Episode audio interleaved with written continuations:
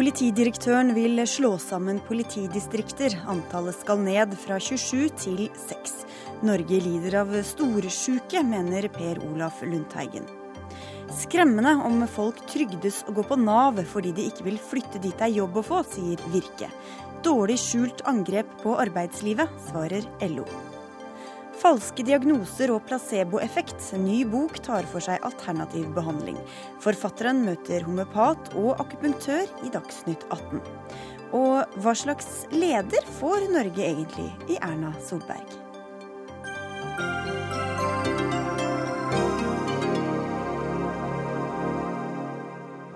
Spør altså Dagsnytt 18 i NRK P2 og NRK2. Jeg heter Sigrid Solund. En kraftig slanking av politidistrikter fra 27 til 6, det er noe av løsningen på politiets utfordringer, fortalte politidirektøren på en pressekonferanse i dag. I sommer fikk politiet omfattende kritikk i Politianalyseutvalgets rapport. Stengt, fraværende og kostbart, lød dommen i rapporten. Politidirektør Odd Reidar Humlegård, du satt også i dette utvalget, og nå har din etat kommet til samme konklusjon når det gjelder antall politidistrikter. Hvordan skal det gjøre politiet mindre stengt, fraværende og kostbart? Ja, Det er eh, bl.a. ved å bruke mindre ressurser til å holde det åpent på dagtid, da eh, politiet trengs minst. Dette fant eh, Politianalysen ut, og dette fant også Gjørv-kommisjonen ut at eh, vi brukte for mye ressurser på tider av døgnet da politiet trengtes minst. Derfor så foreslår vi å slå sammen eh, en del lensmannskontor for å gjøre de mer robuste, få mer aktiv polititjeneste og et bedre etterforskningsmiljø. Dette berører totalt sett 8% av våre medarbeidere i disse 140 lokasjonene. Hva er det som blir annerledes når man da slår sammen politidistrikter og, og lensmannskontorer? Vi bruker mindre eh, folk på å holde eh, et lensmannskontor åpent eh, på tider av døgnet da politiets tjeneste trengs minst. Eh, og vi klarer å eh, samlokalisere slik at vi kan ha mer aktiv tjeneste. Det tar ca. 16-18 polititjenestekvinner og menn for å bemanne en patrulje 24-7. Det er krevende, og de aller færreste eh, lensmannskontor evner det i dag. Så det er utstrakt vaktsamarbeid allerede. Men hvordan kommer folk til å merke det når avstandene blir større og de ringer etter akutthjelp fra politiet? Ja, da er altså målet eh, vårt og Politianalysens anbefalinger det er at man da skal få raskere hjelp fra en patrulje som allerede er ute og ruller. Som har aktiv polititjeneste. Eh, betalingen for det, det er at det som ikke haster, altså pass, søknader, våpensøknader osv., det må folk kjøre litt lengre for å få hjelp til. Vi er mer opptatt av politifolk enn politibygninger. Men hvor skal de holde til? Skal de bare, altså I store distrikter, eh, f.eks. i Finnmark, skal de kjøre rundt uh, I, Finnmark, I Finnmark så gjør vi få endringer. Der foreslår vi ett lensmannskontor lagt ned i hele Finnmark fylke. Eh, på andre steder så er det jo da flere lensmannskontor som slås sammen. Dette er politimesterne veldig enig i. Eh, og mange av de lensmennene jeg har møtt nå på reise de siste seks eh, ukene, sier at sitt eget eh, lensmannskontor er ikke bærekraftig for de utfordringene som nå venter, og den kritikken norsk politi har fått gjennom to år. Men det er også politifolk og politimestere som mener at dere går for hardt til verks og er bekymra for konsekvensene. Hva vil du si til dem? Ja, det er få. Eh, altså det er slik at De aller aller fleste politimesterne de går for eh, mellom seks og ti politidistrikt. Eh, og Hvis vi får til det, så har vi tatt et veldig godt steg i riktig retning. Og vi følger etter det våre naboland gjør. Eh, I Sverige så går man til sju politidistrikt. Hva mener du bør være maks responstid på ting som haster fra politiet? Og Det er et veldig viktig spørsmål. Når vi da gjør den endringen, så må vi på en måte forplikte oss øh, opp mot publikum. Vi må i større grad kunne si hva som er responstiden. Målet er at den skal bli lavere. Og den kapasiteten som kommer fram, altså de som faktisk da kommer på det oppdraget, skal være bedre rustet. Fordi de er på aktiv tjeneste allerede. Men kan du love at folk ikke vil merke noen Altså at, at politifolk vil være like tilgjengelige i, ting, i akutte situasjoner som det har vært tidligere? Ja, Målet er at det skal bli bedre. Altså Det skal bli bedre både i akutte situasjoner, men også etterforskning. Vi ser at de minste lensmannskontorene, selv om de som jobber der gjør en veldig god jobb og står på, så blir altså oppklaringsprosenten lavere enn det den blir. Slik at man må ikke være så opptatt av politibygninger, også den kvaliteten som vi klarer å levere til folk der de bor. Og antallet politifolk skal ikke ned med dette? Tvert om, den vil jo bli økt eh, i året som kommer. Og med bedre teknologiunderstøttelse skal dette gi et politi som kommer mer til der folk bor, når det trengs, og når det ikke trengs. Takk skal du ha, Odd Reidar Humlegård, for at du var med i Dagsnytt 18. Eh, vi skal høre fra en av de eh, som har protestert eh, litt. Ellen Katrine Hetta, du er politimester i Øst-Finnmark politidistrikt, og du har blitt litt bekymra over dette forslaget. Hvorfor det? Altså, den, Min vurdering baserer seg på den, altså den faglige vurderingen av polititjenesten sett fra et finnmarksperspektiv. Jeg har ikke noen forutsetninger for å mene noe om hvordan politidistriktene skal være organisert i resten av landet. Men jeg tror jo det at eh, et politidistrikt som strekker seg fra Majavatn i sør til grense Jakobselv i nordøst, eh, vil gi dårligere kvalitet på polititjenesten, og at beredskapen for Finnmarks befolkning vil bli vesentlig dårligere. Hva er det du frykter da?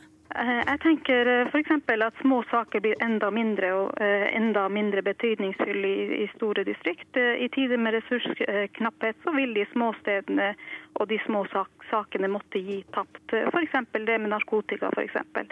så ikke det akutte, men de sakene som ikke har høyest prioritet, kan det gå utover? Begge deler, tenker vi. Fordi at all erfaring tilsier at nærhet til ledelse også gir ressurstilgang. Eh, så vi har ikke tro på at en sentral styring vil gi mer kvalitet og handlekraft, eh, verken på etterforskning eller på blålysberedskap. blålysberedskap. Vi må jo huske på det at politiberedskap også er etterforskningsberedskap. Det er viktig at den det nærpolitiet som vi har, leverer god kvalitet på de tjenestene som leveres. Og jeg, med, jeg ønsker jo det at Finnmarks befolkning skal ha samme tilgang på kvalitet som andre steder i landet. Sigve Bolstad, du er leder i Politiets Fellesforbund. Hva er din reaksjon på dette forslaget? Ja, Det kom ikke overraskende. Eh, vi hadde en god dialog med, med mange, deriblant med politidirektøren på, på, akkurat dette. Eh, mange runder i, internt i Politiets Fellesforbund og ute i lokallagene. Så eh, poenget mitt, dette kom ikke som en overraskelse. Politiets Fellesforbund vi er ikke veldig, eller vi er ikke mest opptatt av antall politidistrikt det vi er opptatt av, det er et lokalt forankra politi med en god hverdagsberedskap, altså nærheten til publikum. Eh, vi må ikke rokke ved nærheten til publikum og robustheten. Nå skal norsk politi eh, med stor sannsynlighet formes for mange tiår eh, fremover. Derfor har vi ikke råd til å, til, å, til å, glippe på akkurat dette. Hva er det viktig å gjøre da? Nei, altså det som er viktig å gjøre, det er å, å komme enda nærmere publikum. Eh, og få en enda større robusthet. Det vi ser, er at oppgavene oppgaveporteføljen, kompleksiteten og kravet til norsk politi blir større og større, og det er vi glad for. Kvalitet. Norsk politi leverer og skal fortsatt levere god kvalitet. Men det som er viktig nå, er å øke robustheten.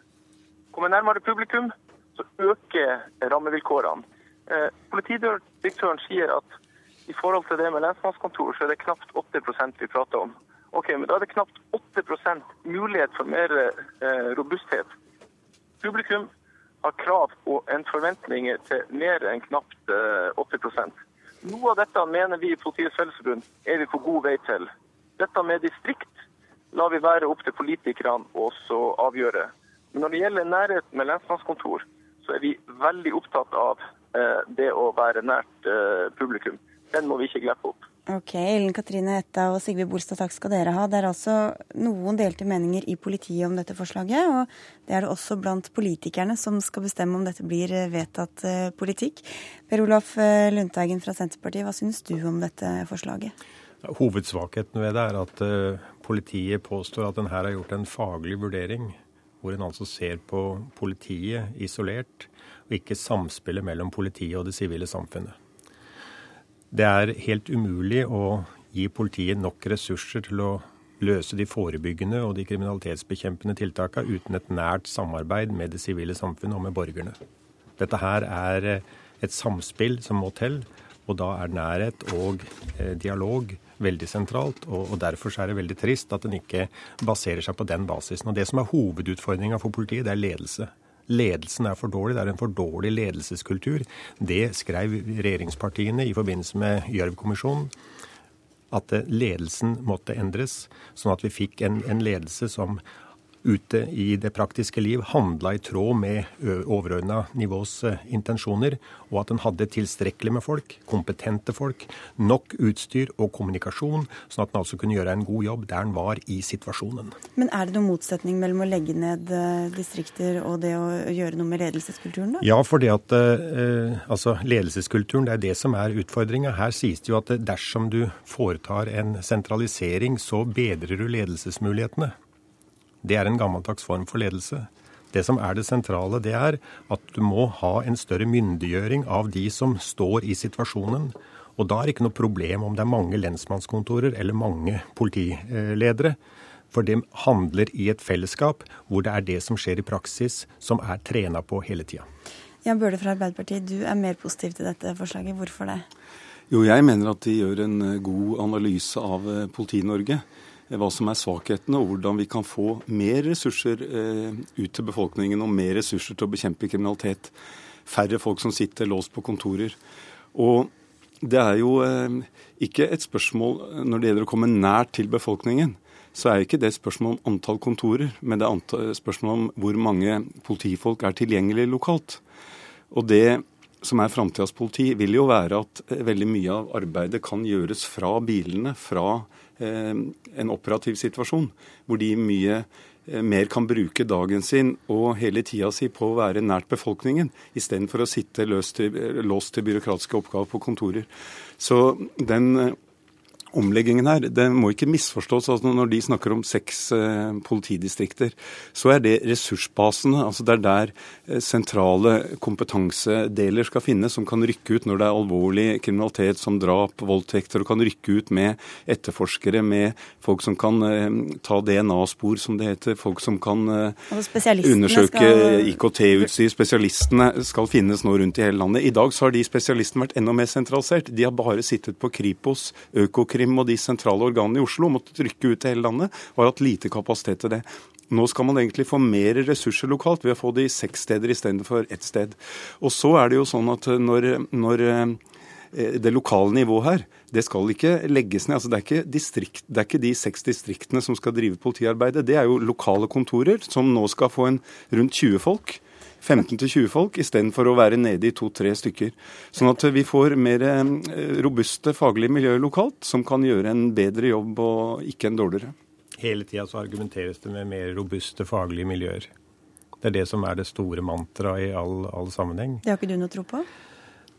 Det jeg har tro på, det er at eh, Norge er et langstrakt land med store avstander, og du må ha en tilstedeværelse av folk som er kompetente og i et tilstrekkelig antall. Og de må ha ordentlig utstyr, og de må ha ordentlig kommunikasjon. Det er det de sier skal få, skal få sier de nå fra mm. politiet og fra Jan Bøhler? Ja, de sier jo det. Altså, her snakker du om å gå fra 354 tjenestesteder til 210. Hvis ikke det er en reduksjon, så skjønner ikke jeg meg på matematikk. Nei, men at pol antall politifolk vil jo være det samme. Men som og flere. Da ja, det, det, snakkes jo hele tida om at alt skal, bli, alt skal, bli, bedre. Det vi har erfaring for, er at de her reformene stort sett gjør at den som har nærhet til ledelsen, som eh, Finnmark-representanten her sa, får større ressurstilgang.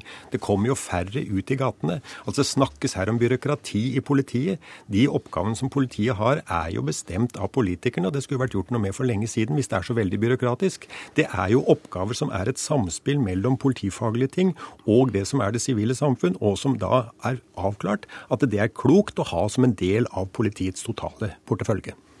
Ja, så hører jo noe av problemstillingen å høre på Lundteigen her, fordi han sier at eh, politiets hovedproblem er manglende ledelseskultur.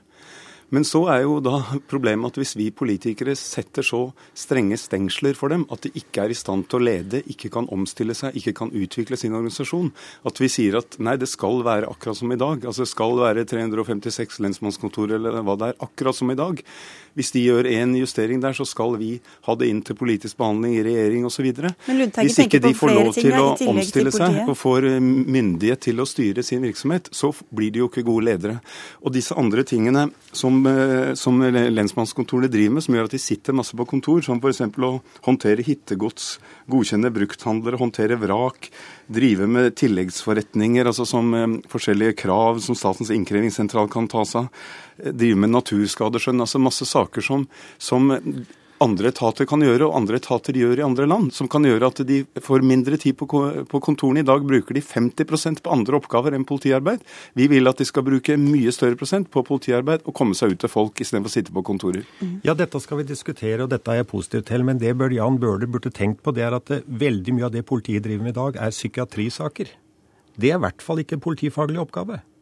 Det viser jo at, at vi, vi, vi, har jo organisert samfunnet sånn at politiet bruker altså så store del av sine ressurser i forhold til rus og psykiatri, noe som andre etater skal gjøre noe med. Så vi skal gjerne diskutere hva som er politiets portefølje, men kjernen i det er at politiet er en del av det trygghetsskapende samfunnet som lever i et symbiose, et samspill med det sivile samfunnet. og Derfor er det veldig klokt at politiet har et godt relasjon til kommunestyret f.eks., hvor en kan samarbeide med kommunens fagfolk. Så det er distriktspolitikk det her, da? Nei, det er ikke distriktspolitikk distriktspolitikk. Dette her er, de, Ikke minst i de større byene. Der er det jo behov for å ha et, et, politi som kjenner sine innbyggere langt bedre, for dermed også kunne ha en relasjon som gjør at du forebygger kriminalitet. Men hvorfor, hvis du ønsker at politiet skal få utvikle en bedre, bedre ledelsesstruktur eller kultur, hvorfor hører du ikke da etter på hva politiet selv vil, som Jan Bøhler sier?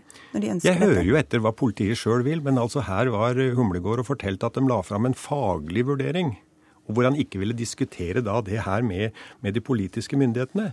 Altså, Det er jo samspillet mellom det han kaller det faglige og det politiske, altså det, det, det kriminaltekniske ting som, som, han kan, og hvordan samfunnet ellers fungerer. Det er jo det som er det avgjørende til sjuende og sist, hvordan du organiserer det. 22.07-tragedien viste at det som fungerte dårligst, det var Oslo politikammer, og det var en Nordre Buskerud som hadde en leder som ikke var kompetent. Ja, altså Lundteigen pleier å nevne det med psykiatri, men det foreslår også de her i denne analysen. At eh, når det gjelder transport av psykiatriske pasienter, skal det bygges opp et annet system enn at politiet skal ta seg av det. Nå er ikke det en hovedsak politiet driver med, men det er en av mange oppgaver som de nå foreslår å legge til andre instanser. Sånn at uh, her har vi et veldig godt grunnlag for å forandre politiet i riktig retning. Og jeg oppfatter at på Stortinget så er det et stort flertall som er positive til endringer i denne retningen. Så kommer man tilbake til akkurat antallet distrikter og sånn det blir, men må ikke begå den misforståelsen og tro at det ikke blir et lokalt nivå. Altså Politiarbeidet skal drives fra disse stasjonene, som vil i gjennomsnitt ha rundt en 20 ansatte, istedenfor at mange av dem er altfor små i dag til å kunne gjøre fornuftig innsats. Okay, du får fem sekunder på slutten her, Lundteigen. Det er svært klokt å ha politi i hver enkelt kommune og et veldig nært samspill med sine innbyggere. Det har vi eksempel på fungerer veldig godt. Hvis lensmann har ikke noe å gjøre, så er lensmann vellykka. Takk skal dere ha, Jan Bøhler og Per Olaf Lundteigen.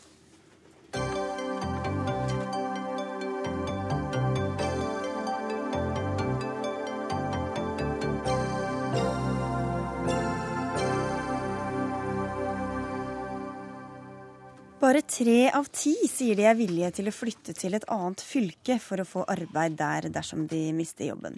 Det viser undersøkelsen eh, Virkemålet fra arbeidsgiverorganisasjonen Virke. Og hvor bekymret blir du over disse tallene, direktør i Virke, Vibeke Madsen? Vi er bekymret fordi at 50 eh, eh, sier at dersom de mister jobben og ikke får ny jobb, så vil de da ikke eh, flytte til et annet, eh, annet fylke. Og det syns vi er skremmende i en tid hvor det er viktig å se at folk er i jobb. Men hva tror du det kan få å si for hvor mange som får sosiale ytelser, enten det er det ene eller det andre?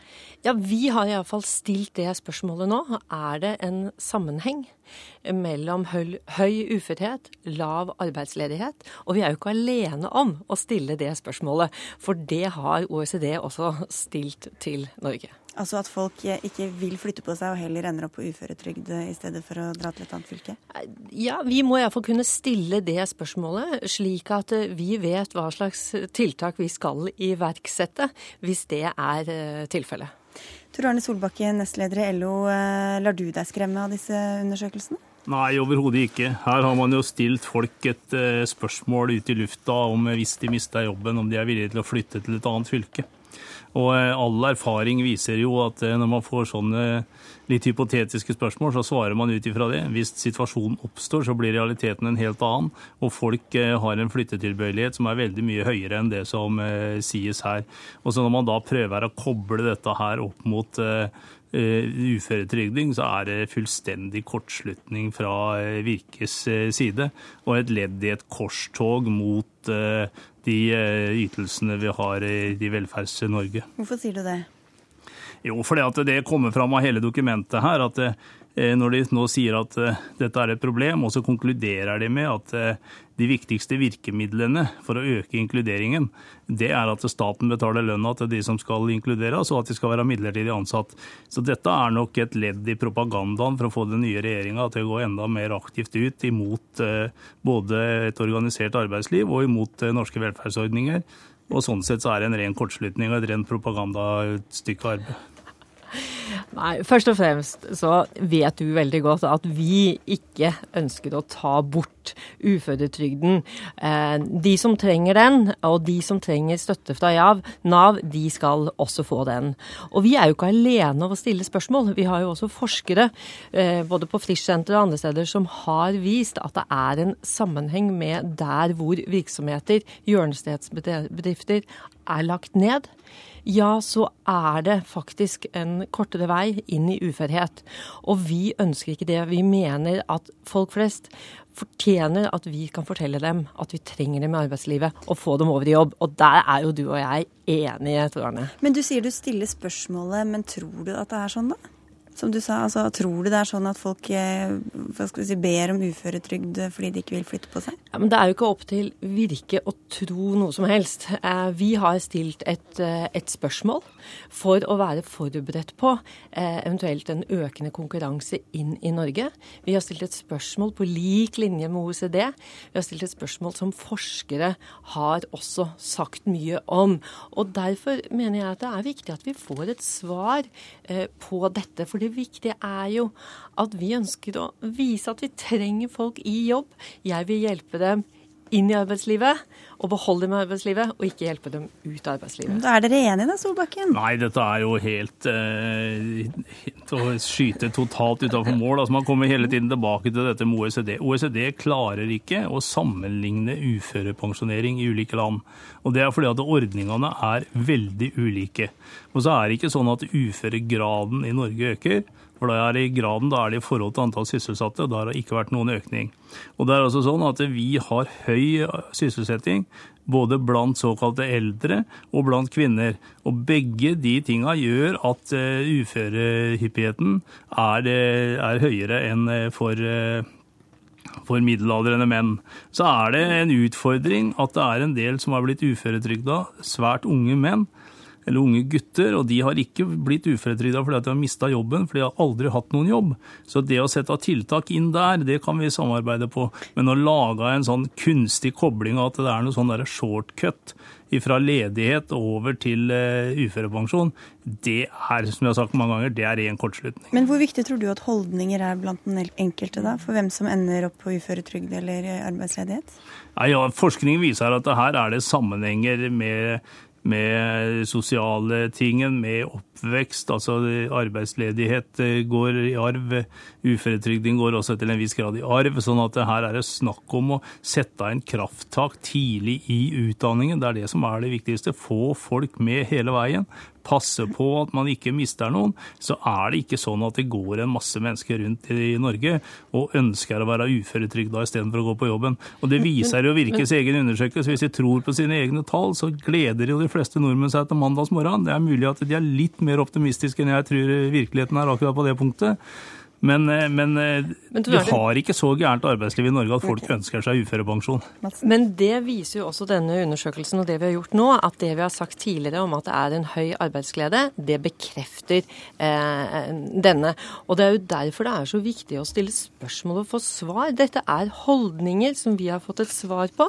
Og så tenker vi det må vi kunne forholde oss til ved å stille spørsmål.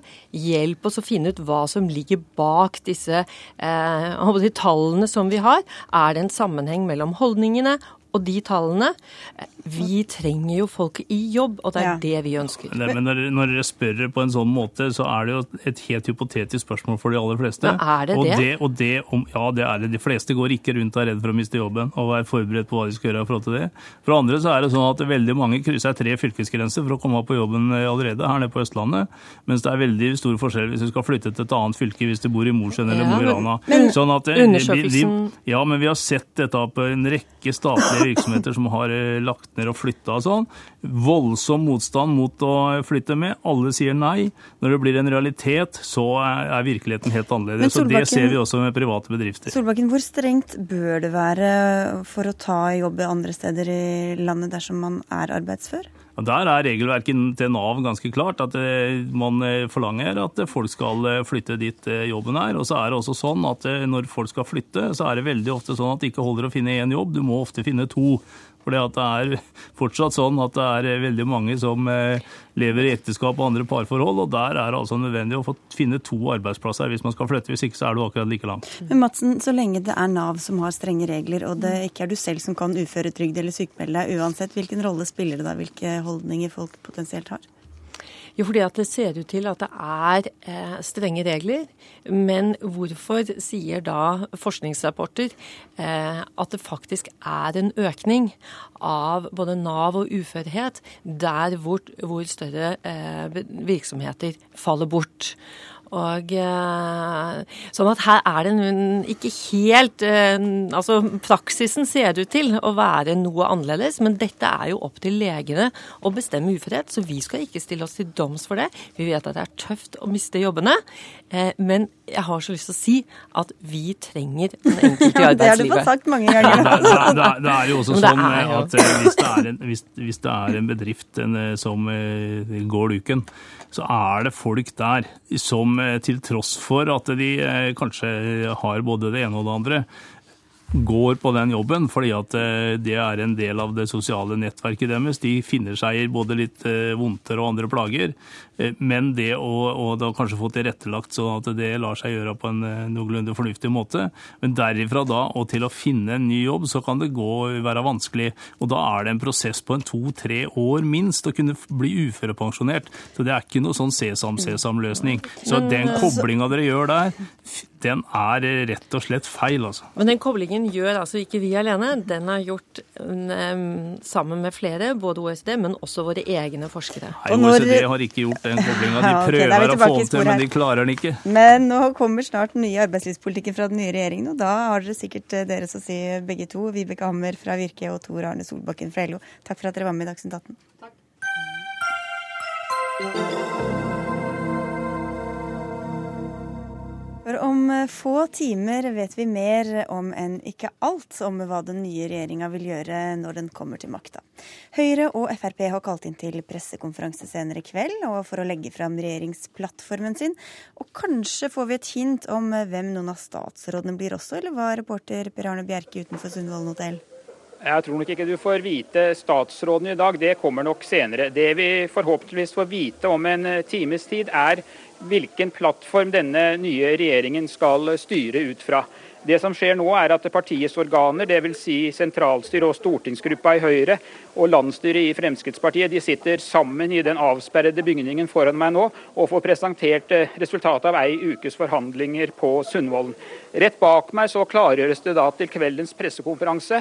Her står bannerne til Fremskrittspartiet og Høyre side ved side. TV-kameraene er stilt opp. og det understreker jo at dette er en historisk dag, da Fremskrittspartiet for første gang skal inn i regjering, 40 år etter at partiet ble stiftet.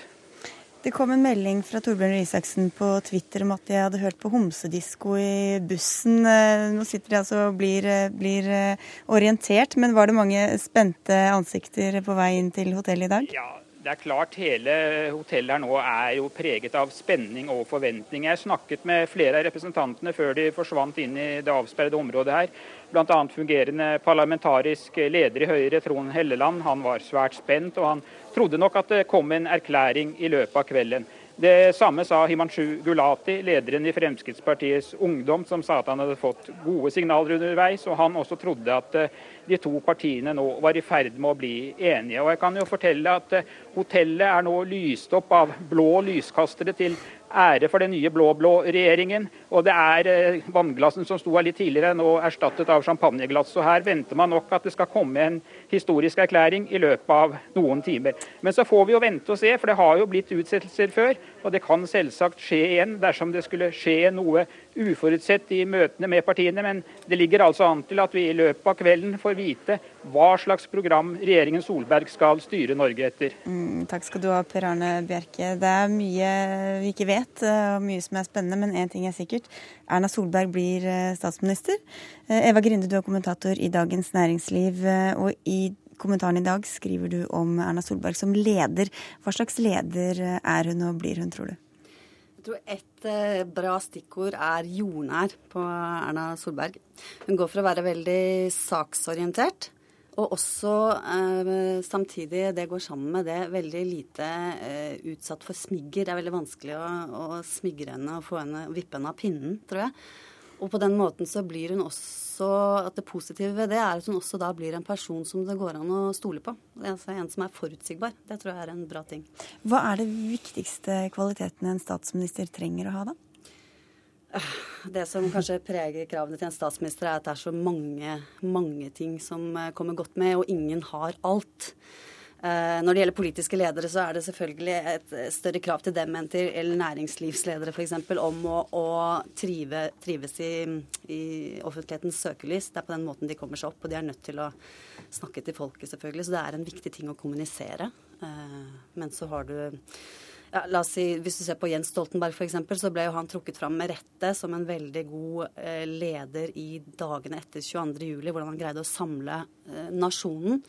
Og på den annen side så har han da fått f.eks. i Grete Knudsens eh, bok og andre bøker kritikk for å være en fraværende sjef i hverdagen. Så det, er, det, er det sier noe om det spennet en, en, statsminister opererer i. Det er veldig mange ting man skal kunne, og det er helt umulig å unngå å få kritikk for noe. Politisk kommentator i NRK Trine Eilertsen, hvordan tror du eh, Erna Solberg blir for leder over Norge? Ja, det, det, Vi vet jo egentlig ikke, for akkurat å være leder på det nivået der, det er jo første gangen eh, hun er det. Men det vi, hvis vi ser på andre som har vært eh, statsminister, inkludert Jens Stoltenberg, så ser vi jo at han har vokst inn i rollen gjennom disse årene. Av og til er det jo lett å tenke at han har vært akkurat like trygg som han er nå, like jovial, like flink til å møte absolutt alle typer mennesker og snakke om alt mulig. Men det er klart at den tryggheten du får gjennom å ha den autoriteten og være i den rollen lenge, det gjør noe med deg. Eh, Erna Solberg er kjent for å være detaljorientert, kan sakene eh, og innenfor egentlig alle områder. Eh, like godt omtrent som de som er talsmenn på sakene. Utfordringen når du har den siden, det er jo å løfte blikket. Og se de store linjene og, og, være veldig tydelig på hvem som har ansvar for detaljene i sakene, og hvem som har ansvar for fremdrift i det store. Så det er jo en del, når hun er opptatt av gjennomføringskraft, så blir det spennende å følge hun i den ekstremt krevende lederjobben som det er å holde sammen et regjeringslag der på å si halve regjeringen sitter igjen i Stortinget. Eh, og det å, holde trykk på sakene, da. Det er jo det som blir vanskelig. Men hun har jo fått mye ros. altså Da regjeringssonderingene strandet og Frp og Høyre gikk videre alene, fikk hun jo fortsatt mye eh, ros fra Hareide og, og Grande i Venstre og KrF. Hvorfor tror du det de var så nøye på å si det, Grinde? Ja, nei, de, Hun fikk jo masse gode fra den halvdelen av regjeringen som skal sitte på Stortinget. Og jeg tror kanskje en viktig grunn er at de faktisk mente det. Det virket i hvert fall sånn. Um, på en måte så har de alt å vinne på å rose Erna Solbergs lederegenskaper, fordi at det er ikke noe tvil om at det er hun som er sjefen, så, sånn at, eh, og de skal samarbeide med henne. Men på den annen side så syns jeg det virket som de, det var mer enn det uh, som kom fra dem. Det var ikke nødvendig å være så og understreke det såpass mye. Jeg tror de rett og slett uh, syntes at det hadde vært en veldig ryddig prosess, og det har også blitt sagt om den prosessen at hun fikk alle partene til å føle seg like mye verdt. Og at, eh, at, det var helt avgjørende at alle sammen fikk sagt sitt og var med på dette laget. Så at hun greide å lose det eh, i havn på en måte som fikk med seg alle, det, det var det de ga uttrykk for, tror jeg. De har vel sagt noe av det samme etter f.eks. arbeidet med klimaforliket i Stortinget også. Men når får vi se, Trine Eilertsen, hva slags eh, leder Solberg selv vil være, og hva hun legger vekt på?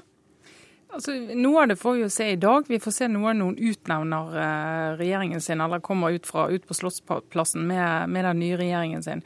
Da får vi vite mye mer i detalj om hva hun tenker om kompetanse til statsrådene. Eh, og dermed litt sånn oppgave- og ansvarsfordeling eh, rundt regjeringsbordet.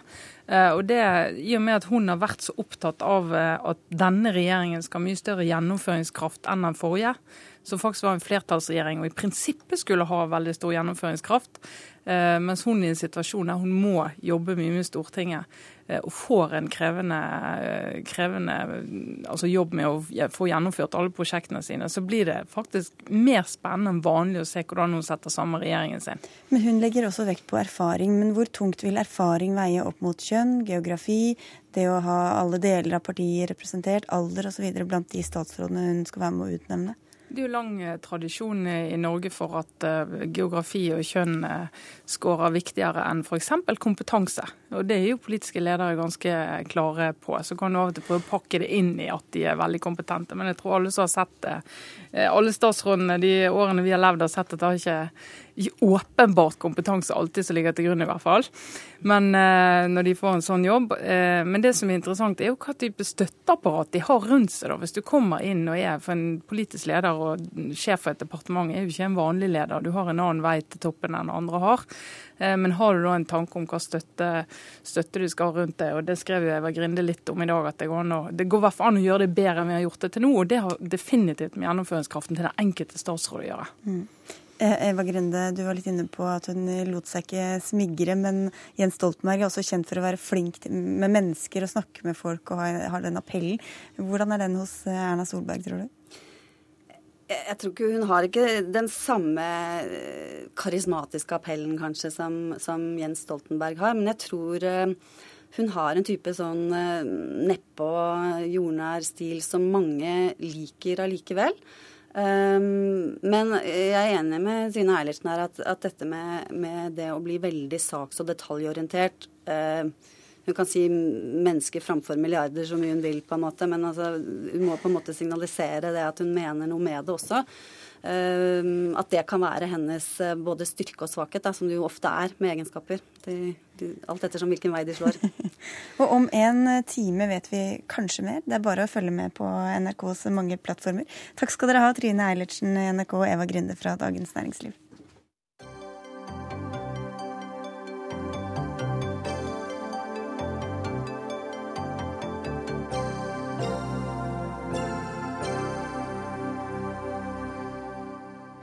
I dag ble nobelprisen i medisin tildelt Randy Sheckman, James Rothman og Thomas Sydhoff. De tre forskerne får prisen for å ha oppdaget et viktig transportsystem i cellene våre. Christian Prytz, du er professor ved Institutt for biovitenskap ved Universitetet i Oslo. Du kan mer enn gjennomsnittet for denne type forskning. Hva er det egentlig de har oppdaget? Ja, først vil jeg si at uh, de har oppdaget uh, grunnleggende mekanismer som uh, virker i alle celler. Og det er lenge siden en så grunnleggende mekanisme eh, har fått nobelprisen. Jeg vil tro det er kanskje 10-11 år siden sist. Så det er veldig gledelig for alle cellebiologer at dette nå har skjedd.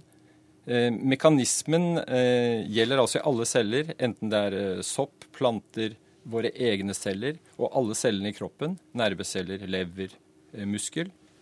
Og mekanismene styrer hvordan proteiner og lipider, altså fettstoffer, transporteres fra produksjonsstedet og til der de skal virke.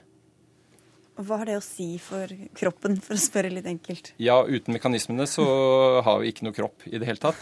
Men eh, man kan bruke en, en fabrikkmodell, eller man kan bruke en slags samferdselsmodell. Hvis man bruker en fabrikkmodell, så er alle cellene i kroppen en proteinfabrikk. Og eh, proteinene lages et sted og skal da sendes på et form for samlebånd Eh, til eh, overflaten av cellen, eller til steder i cellen for å vedlikeholde fabrikken, eller for å selges ut til andre celler. Altså transporteres med blodet. Eh, F.eks. antistoffmolekyler som lages i visse hvite blodlegemer. De skal jo virke ute i kroppen, i blodet, og de sendes da ved hjelp av denne transportveien til celleoverflaten. Og så er det mange sjekkpunkter underveis som disse forskerne har studert. Det er kontrollstasjoner som kontrollerer at proteinene har riktig form og struktur.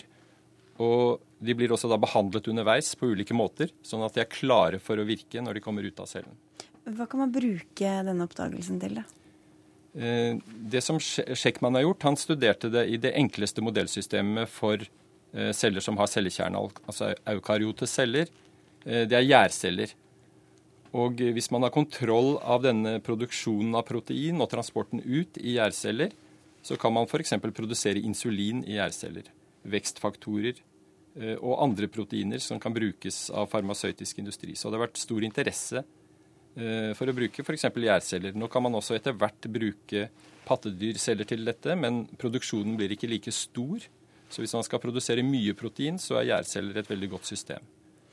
Du sier at det er helt sånn grunnleggende ting. Hvorfor, hvorfor, har man ikke oppdaget det før, når det er så viktig og grunnleggende? Jo, det er viktig å huske på at dette er oppdaget for lenge siden. Altså, Alle tre er aktive forskere i dag, men eh, oppdagelsene de får prisen for, de har stått i lærebøkene i eh, 20-30 år. Så disse gjennombruddene for Sheckman begynte han rundt, eh, eller på slutten av 1970-tallet, ut på 1980-tallet gjorde han disse grunnleggende oppdagelsene av gener som styrer denne veien i eh, gjærceller. Eh, Rothman kom på banen utover på 1980-tallet. Eh, han oppdaget da mange av komponentene som er viktige i pattedyrceller. Han konstruerte også en modell som de fleste mener er feil i dag for hvordan disse samvirket, men han får likevel nobelprisen fordi han har identifisert så mange av disse komponentene som virker. Og Sydhoff har studert dette i nerveceller, altså noe av de mest avanserte cellesystemene vi har, hvor man da har transport over store avstander. Mm, de fleste har hørt på skolen at nerveceller kan ha utløpere som er opptil én meter i menneskekroppen. Og langs disse utløperne skal da denne transportformen skje i disse små blærene som de har beskrevet. I morgen deles altså prisen i fysikk ut, før eh, nobelprisen i kjemi eh, kommer på onsdag. Og førstkommende fredag klokka 11 får vi vite hvem som får årets fredspris. Christian Prytz, takk for at du kom og delte kunnskap om eh, dagens prisutdeling. Bare hyggelig.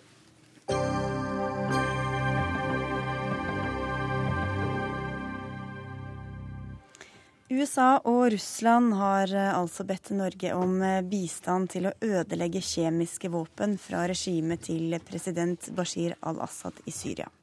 I går sa statsminister Jens Stoltenberg at det er eh, for tidlig å si om Norge skal bidra, men at vi er i dialog med flere land om dette. Per Inge Orstrand, du er oberstløytnant i Forsvaret og sjef for ABC-skolen, som er Forsvarets kompetansesenter for vern mot masseødeleggelsesvåpen.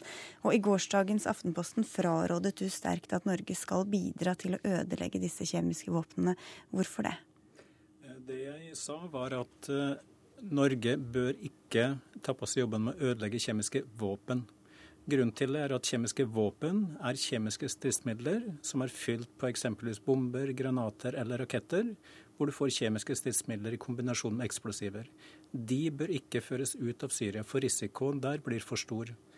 Eh, men det er flere problemstillinger ved kjemiske våpen i Syria. For den neste dimensjonen er de kjemiske stridsmidlene. Det som man da fyller på disse våpnene.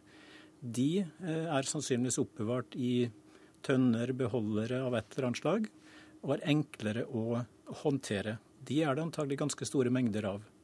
Eh, og Den tredje dimensjonen det er utgangsstoffene for disse midlene, eh, som er i utgangspunktet giftige industristoffer, eh, som også er giftige i seg selv, men som blir noe enklere å håndtere enn stridsmidlene.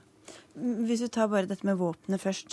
Hvor risikofylt er det å flytte noe sånt helt fra Syria til Norge eventuelt? Eh, jeg tror ikke de, de, vil bli flyttet ut av Syria uansett. Eh, men problemet er at når du har eksplosiver kombinert med noe annet, så er de mer ustabile. Og det er litt større risiko forbundet med det.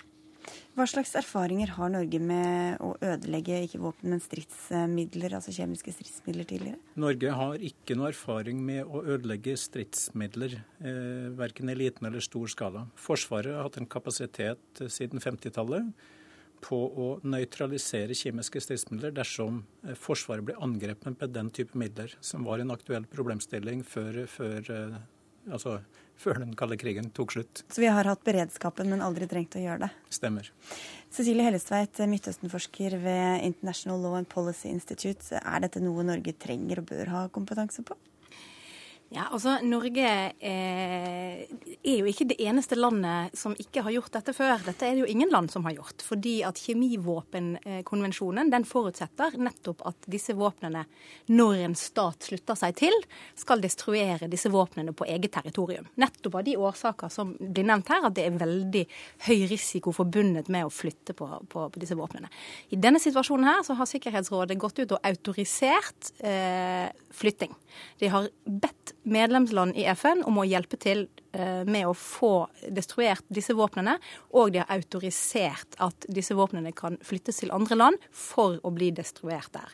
Og Det har sammenheng med situasjonen på bakken i Syria i dag. Det er få områder av Syria som over lang tid er kontrollert av den samme parten.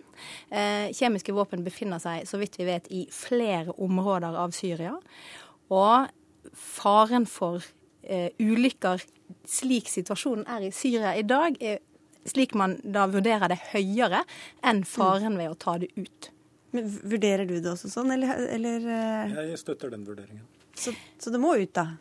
Uh, ja, Problemet er at de, kan, de, de, kjemiske stridsmidlene og disse såkalte utgangsstoffene, eller precursors, de kan antagelig ikke ødelegges i Syria, fordi mengdene er så store og tiden til rådighet er så kort. Så på en eller annen måte må de antagelig ut. Eh, og transporteres til et eller annet sted hvor de kan, kan ødelegges på en, en trygg måte.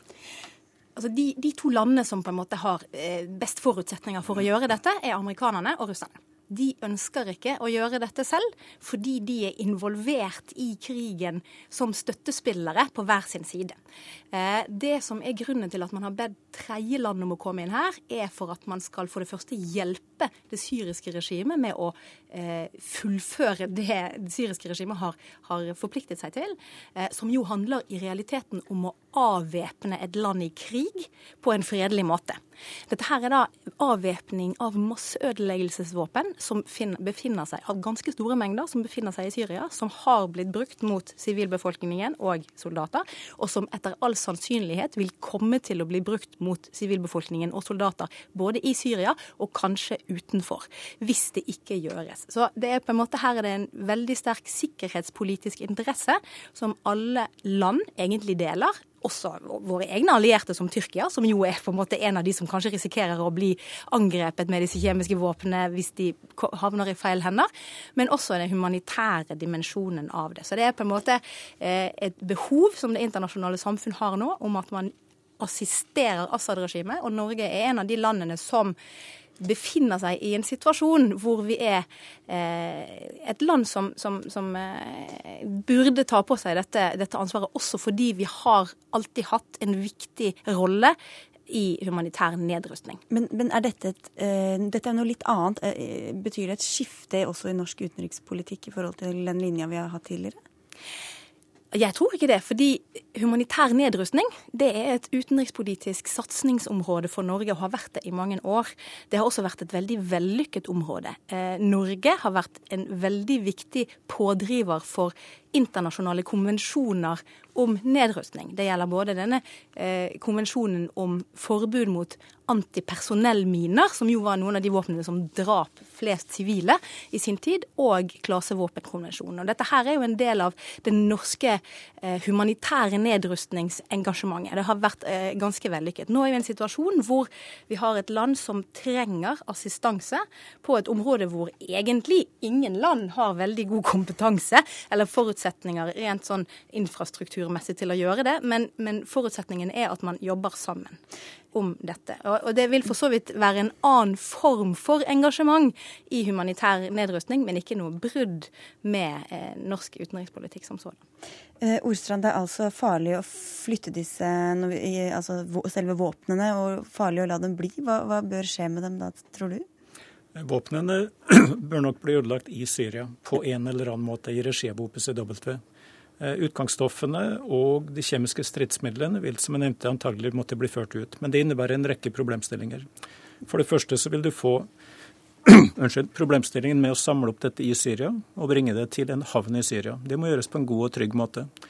Eh, så får man problemet med å skipe det ut til et eller annet sted. Det må nødvendigvis gå sjøveien, for det er store mengder. Eh, så får man problemer med dette mottaksstedet. Et eller annet sted så skal jo dette lande. Og der må jo man også foreta denne destruksjonen. Og det betyr jo at hvis dette eksempelvis går i Norge, så vil det faktisk havne i en kommune i Norge. Og det betyr altså vindmølleproblematikken ganger n. Kan jo bli spennende, da. Helt kort til slutt, Cecilie Hellestveit. Ja, ja, nei, OK. Yes. Og det siste er at destruksjonsprosessen eh, i seg selv, hvis man velger å bruke hydrolyse, som er den normale metoden, og som betyr at du tilsetter store mengder lut og klor, og klor, den genererer også ganske mye avfall, som også må behandles som, som giftig avfall etterpå. Så det er en rekke problemstillinger. Og til slutt så må jo det området man velger, bringes tilbake til den tilstand det var i før dette skjedde. Kan bli interessant å bo her i Norge framover, i hvert fall. Takk skal dere ha, Cecilie Hellestveit og Per Inge Orstrand.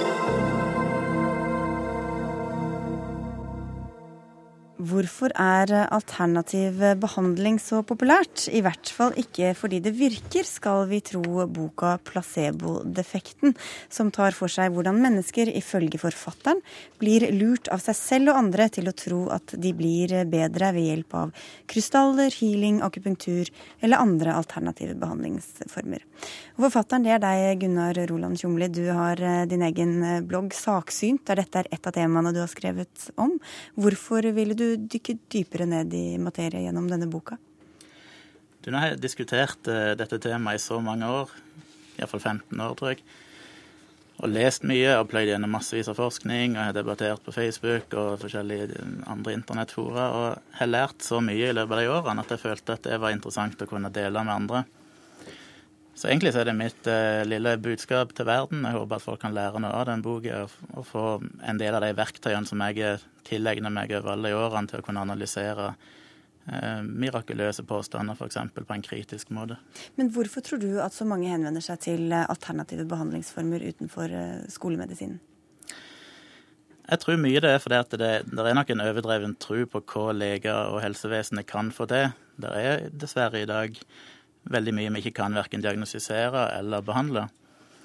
Og når folk går med kroniske sykdommer over lang tid, ofte litt diffuse plager som de gjerne ikke får en skikkelig diagnose på, de får ikke noe behandling, så er det klart det er nærliggende å prøve et eller annet annet som de har hørt om en kjendis bruker, eller en familiemedlem bruker, eller de har lest om i et eller annet diskusjonsforum på Facebook. Du, du tegner en skala der eh, i den ene alternative enden er det homopati, og i den andre kiropraktikk, og i midten er det akupunktur. Eh, hvor godt vil du si dokumentasjonen er, for å si det sånn fra venstre og til midten av eh, skalaen? Nei, min, etter mitt syn så er jo homopati legger jeg over i magi-religion-delen av spekteret. Det, det har verken noen teoretisk sannsynlig virkemåte, og forskningen viser at det ikke virker. Så er det kiropraktikk som ligger på den andre enden, som jeg føler og kanskje kunne satt sammen med en del naturlegemidler Eh, som kan ha en effekt, men på mange måter fortsatt er alternativt, for det er dårlig dokumentasjon på kanskje de viktigste behandlingsområdene som kiropraktorer eh, jobber med, f.eks. ryggsmerter og nakkesmerter.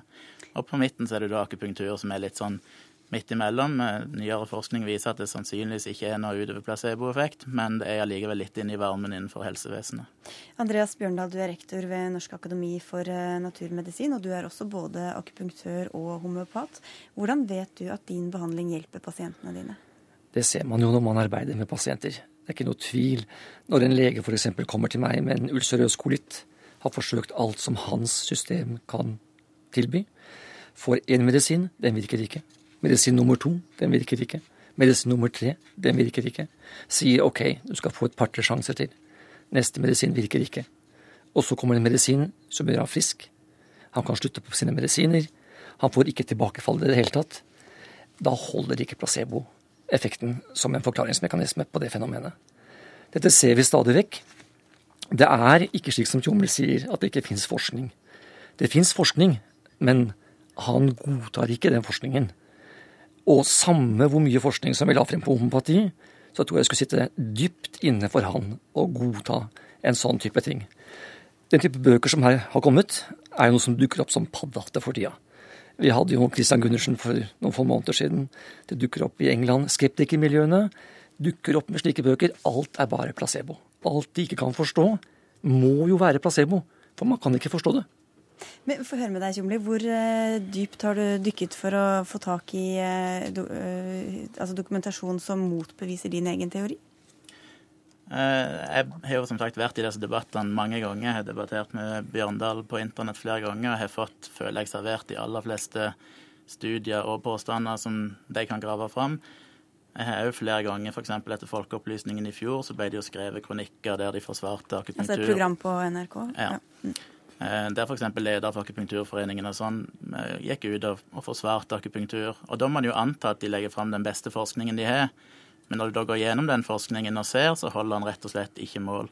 Så kan Bjørndal si at jeg ikke aksepterer dette, men ta f.eks. den engelske vitenskap- og teknologikomiteen som i, i, 2009 var det vel fikk i oppdrag av, av britiske myndigheter å gå gjennom all forskning på homopati. Det er tull. Og de konkluderte veldig tydelig og sa faktisk så spissa som at homopati er heksekunst. Altså De fant ingen dokumentasjon på at dette hadde noe for seg. Det som skjedde, var at Foreningen Skepsis sendte brev til en del forskere og ba de si hva de mente om homopati. Det er rett og slett basert på synsing. Og det er en sånn propaganda som Foreningen Skepsis bedriver. Det som er synd, er at det er en slags kunnskapsarroganse. Det er en fornuftsfundamentalisme hvor det blir nesten religiøst. Og det er trist, for det ødelegger for vitenskapen. Det ødelegger for en seriøs forskning. Her er vi i en situasjon hvor helsevesenet sliter økonomisk. Resistensutviklingen begynner å bli en faretruende utvikling. Altså med antibiotika? Med antibiotika. Vi trenger alternativer. Vi trenger å forske på det. Og det Tjomli og hans da skeptiker kollegaer gjør, er å prøve å hindre den type forskning. Og det er veldig trist. Men hvor mange forskningsrapporter er det f.eks. på homopati som kunne vært, eh, eller som har vært eh, publisert i et anerkjent eh, legetidsskrift? Det, det, er mange. Det var nettopp en svær konferanse i Barcelona med hundrevis av deltakere, massevis av forskere. Men samme, om det er litt positivt, så vil jeg si det er ikke nok positivt. Den største problemstillingen er jo forskningsmetodene. De er ikke godt egnet til å forske på en helhetlig tilnærming. Vi behandler hele mennesket. Så, så, så, vanlig legemiddelforskning kan ikke brukes nødvendigvis på homopati? Det er ikke godt egnet, det kan brukes, men det er ikke godt egnet til å vise en helhetlig effekt. For du måler én variabel mot én type tilstand. Mm. Det er problemet. Tjomli. Det er jo mye av essensen i boken min, det er jo dette jeg egentlig diskuterer. Det er jo interessant at han trekker fram magesår. For magesår er jo en av de tingene de har forska på med placebo, og du ser at placebopiller, altså piller som ikke inneholder noe virkestoff, ren narrepille, sukkerpille, har en relativt god effekt på magesår. Nettopp fordi at magesår, i tillegg til at det er en bakterieinfeksjon, òg har en stresskomponent. Og dette med stress og mestring og det å få f.eks. homopatiske piller, eh, gir deg et mestringsverktøy, du føler du tar grep om situasjonen. Ikke minst så har du en konsultasjon med en, en menneskekjenner, som sikkert Bjørndal er, og har en fin samtale. Og alt, summen av alt dette er jo det som gir denne effekten. Men, men, hvis du da kommer til en eh, menneskekjenner eller en som tar vare på deg, du føler deg sett og hørt, og du får et eller annet som virker, enten det er det ene eller det andre, hva er det som er så farlig med det, da? Hvis du føler at du blir bedre? Ja, Det har jeg jo dedikert eh, siste omtrent tredjedel av boken min til å drøfte nettopp farene ved alternative behandlinger. For de aller fleste går du til en akupunktør, så er det helt greit. Sannsynligvis er det ufarlig, og du får en fin opplevelse. Eh, det vil ikke kurere noen sykdom. Det kan kanskje påvirke subjektive symptomer som smerte og kvalme og opplagthet og sånn. Problemet er at det er en del farer med det, og som jeg trekker fram i boka, bl.a. dette med vaksinemotstand, dette med at du får, eh, du får kludre det informerte helsevalget til pasienter. Da, da blander du kortene. For det første så sier du at jeg snakket om magesår. Jeg snakket om ulcerøs kolitt. Og det er problemene. Uten din din manglende kliniske kompetanse, din manglende kompetanse i feltet, gjør at du går inn i noe du egentlig ikke kan noe om, og ganske arrogant påstår at dette må være placebo. Det er en veldig, veldig veldig forenkling. Ja, jeg har lest mye av deg, og jeg har sluttet å følge kan jeg si, bloggen din, for det er ikke noe særlig spennende som kommer frem. Rett og slett, det blokkerte meg fordi vi ikke har mot, Det var på Facebook, det. Ja. ja. Uh, og du kan si at uh, man må prioritere hva man bruker tiden sin på. Det fins forskning som viser at homopati virker ved ADHD, ved ME, ved forstyrrelser hos barn, depresjoner og mange andre ting. Allergi. Men er det mye lureri der også der ute? Det fins noe, men de aller fleste er oppegående, velmenende mennesker. Norske, eh, den norske befolkning er fornuftig nok til å kunne se dette her. Jeg tror eh, at vi må fortsette debatten utenfor hvis dere ikke hadde blokkert hverandre. Jeg vet ikke hvordan det var sånn in real life. Men takk i hvert fall for at dere kom til Dagsnytt 18 for å ta debatten, eh, Gunnar Tjomli og Andreas Bjørndal. For sendingen er eh, over for i dag. Ansvarlig for den var Siri Storstein Hytten. Finn Lie hadde det tekniske ansvaret, og jeg heter Sigrid Solund.